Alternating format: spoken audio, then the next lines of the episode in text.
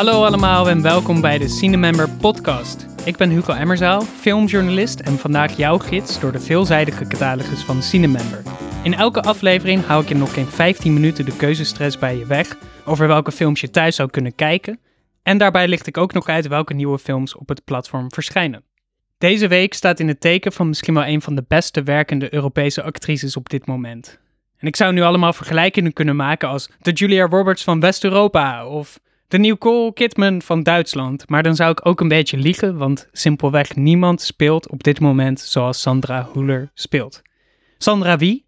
Denkt u misschien nog op dit moment en daarom is het precies mijn doel om in deze achtste aflevering je kennis te laten maken met deze fenomenale actrice uit Duitsland, die een paar jaar geleden wereldwijd bekendheid kreeg met haar onvergetelijke hoofdrol in de Duitse zwarte komedie Tony Erdmann van Maren Ade.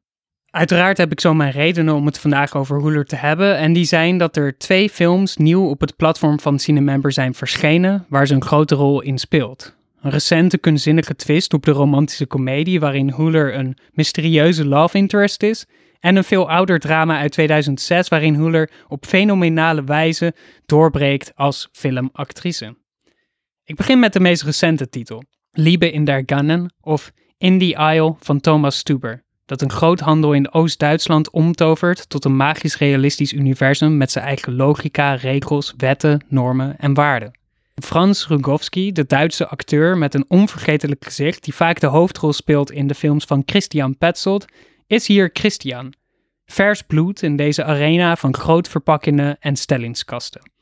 Als forklift truckchauffeur bij de afdeling drank zoeft hij s'nachts door het boodschappenpaleis om de voorraad aan te vullen. En je kan daar allemaal allegorieën in zien voor armoede en commercie en de manier waarop Oost-Duitsland daar historisch gezien anders in staat dan West-Duitsland.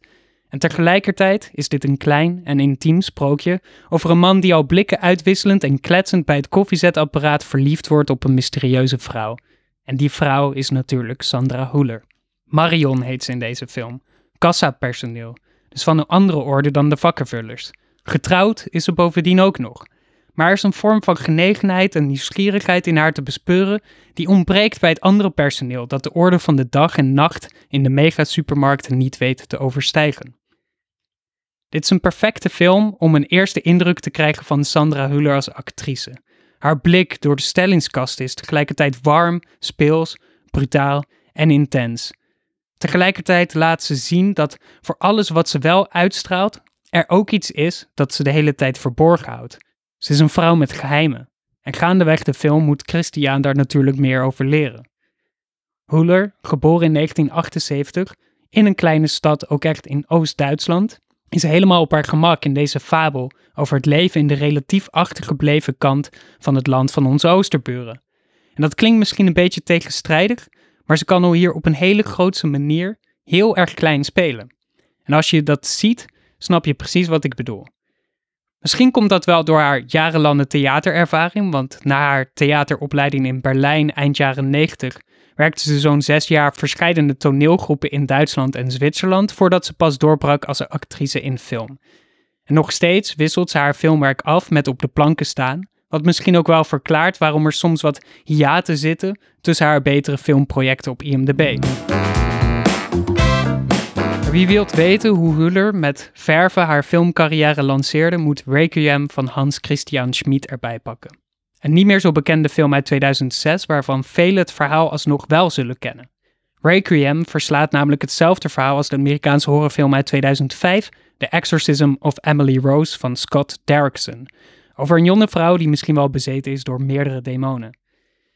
En voor iedereen die niet van horror houdt en nu gruwelt van het idee om Requiem op te zetten, wees niet gevreesd. Want het boeiende van deze film, die gebaseerd is op een waar gebeurd verhaal uit het Duitsland van de jaren 70, is dat Hans Christian Schmidt het juist totaal straight speelt. Requiem gaat voor een volledig authentiek, haast documentaire beeld van het verhaal van Michaela Klinger die in de jaren 70 uit een strikt religieus gezin kwam en met mentale problemen kampte toen ze ging studeren in de universiteitsstad van Tübingen, waar, ze, waar zich natuurlijk allemaal dingen afspeelden die God verboden had. En Hoeler weet het spanningsveld van een jonge vrouw die verscheurd wordt door de tradities van haar afkomst en de prikkels van haar nieuwe omgeving perfect te verbeelden. Haar onzekerheid, faalangst en aanleg tot epileptische aanvallen lijken de symptomen op te leveren die uiteindelijk door de kerkelijke gemeenschap worden geïnterpreteerd als een bezetting door demonen. Requiem wordt zo een masterclass in acteren. Want de conflicterende interpretaties van Klingers symptomen zijn de bovennatuurlijke krachten of zijn het mentale problemen, die moeten allemaal door Huller overgebracht worden. Want er komen geen special effects, geen jumpscares, geen geluidseffecten of andere filmische trucjes aan te pas. Het hele gewicht van dit tragische verhaal rust op de schouders van deze debuterende actrice. Huller won dat jaar dan ook heel terecht de Zilveren Beer voor de beste actrice op het Filmfestival van Berlijn, wat haar definitieve doorbraak in de Duitse filmwereld natuurlijk ook betekende. Maar ik kan het niet hebben over Sandra Huller zonder het ook over Tony Erdmann te hebben, die ook op Cinemember staat en die ik van harte aan kan raden om te laten zien hoe een regisseur het uiterste kan halen uit Huller als actrice. Ik was al een tijdje fan van de regisseur Maren Ade, die deels van de nieuwe Duitse golf aan bijzonder intelligente regisseurs toen ze in 2016 op het filmfestival van Cannes haar nieuwe film lanceerde. Maar niets kon me toen voorbereiden op hoe grandioos deze zwarte komedie in elkaar zou zitten. Het mooiste aan Tony Erdman is misschien wel de landen speelduur, wat iets ongewoons doet met een komedie waar normaal gesproken efficiëntie en compactheid bepalend zijn voor de feel van het genre. Wat het hier oplevert is dat elke scène, hoe grappig die ook kan zijn, voelt als een voortvloeisel van het leven zoals het ook echt is. En Huller is de perfecte actrice om die kloof tussen komedie en realisme te overbruggen. Ik denk dat het best is om niet te veel over Tony Erdman te weten voordat je hem voor de eerste keer gaat kijken. Maar laat ik zeggen dat die clashes, dus niet alleen tussen komedie en realisme, maar ook tussen bijvoorbeeld mannen en vrouwen, tussen vaders en dochters, tussen werk en familie, dat al die clashes centraal staan. En net als bij Requiem zie je hier ook dat Huller het gehele gewicht van deze vreemde film op haar schouders moet dragen. En juist daardoor gaat deze ongewone komedie werken en als vanzelfsprekend voelen, wat bijzonder knap is voor een bizarre film van bijna drie uur. Dit zijn al aardig wat titels, maar ik wil nog even één film noemen met Sandra Huller in de hoofdrol die ook op Cinemember staat. En die is van niemand minder dan de Nederlandse regisseur Nanook Leopold, die Sandra Huller in de hoofdrol van Requiem zag en vervolgens besloot om haar te casten voor haar bijzondere filmdrama Brownian Movement, waarin Huller een Duitse arts in Brussel speelt die enkele van haar patiënten uitnodigt om mee naar bed te gaan. In een interview met VPRO Cinema vertelt Leopold waarom ze Huller kasten voor dit pittige drama en daarmee vat ze misschien in een paar zinnen samen waar ik een hele podcastaflevering voor nodig had. Ik citeer Leopold.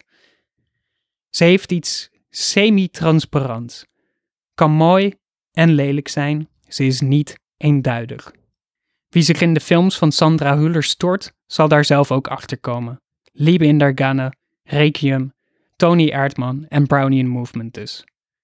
Dan sluit ik deze aflevering nog heel snel af met jawel twee extra titels, want er zijn er nog meer op het platform van Cinemember verschenen. Er is het bijzondere en innemende documentaire portret Western Arabs van Omar Shargawi. Hij is een Deense regisseur met een Palestijnse migratieachtergrond die gedurende twaalf jaar zijn familie vastlegt, wat bijzondere reflecties oplevert over zijn afkomst, zijn verleden, zijn leven en nu zijn identiteit in Denemarken.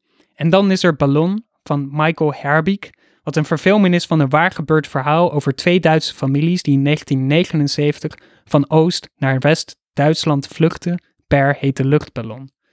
Dat was het voor deze week. Volgende week ben ik terug om het over een paar van mijn favoriete thrillers te hebben, wat ongetwijfeld zinderend gaat worden. In de tussentijd op zoek naar meer filmtips, ga dan naar cinemember.nl of cinemember.be. Op de homepage staan daar actuele tips, waaronder dus de films die ik hier in de podcast behandel.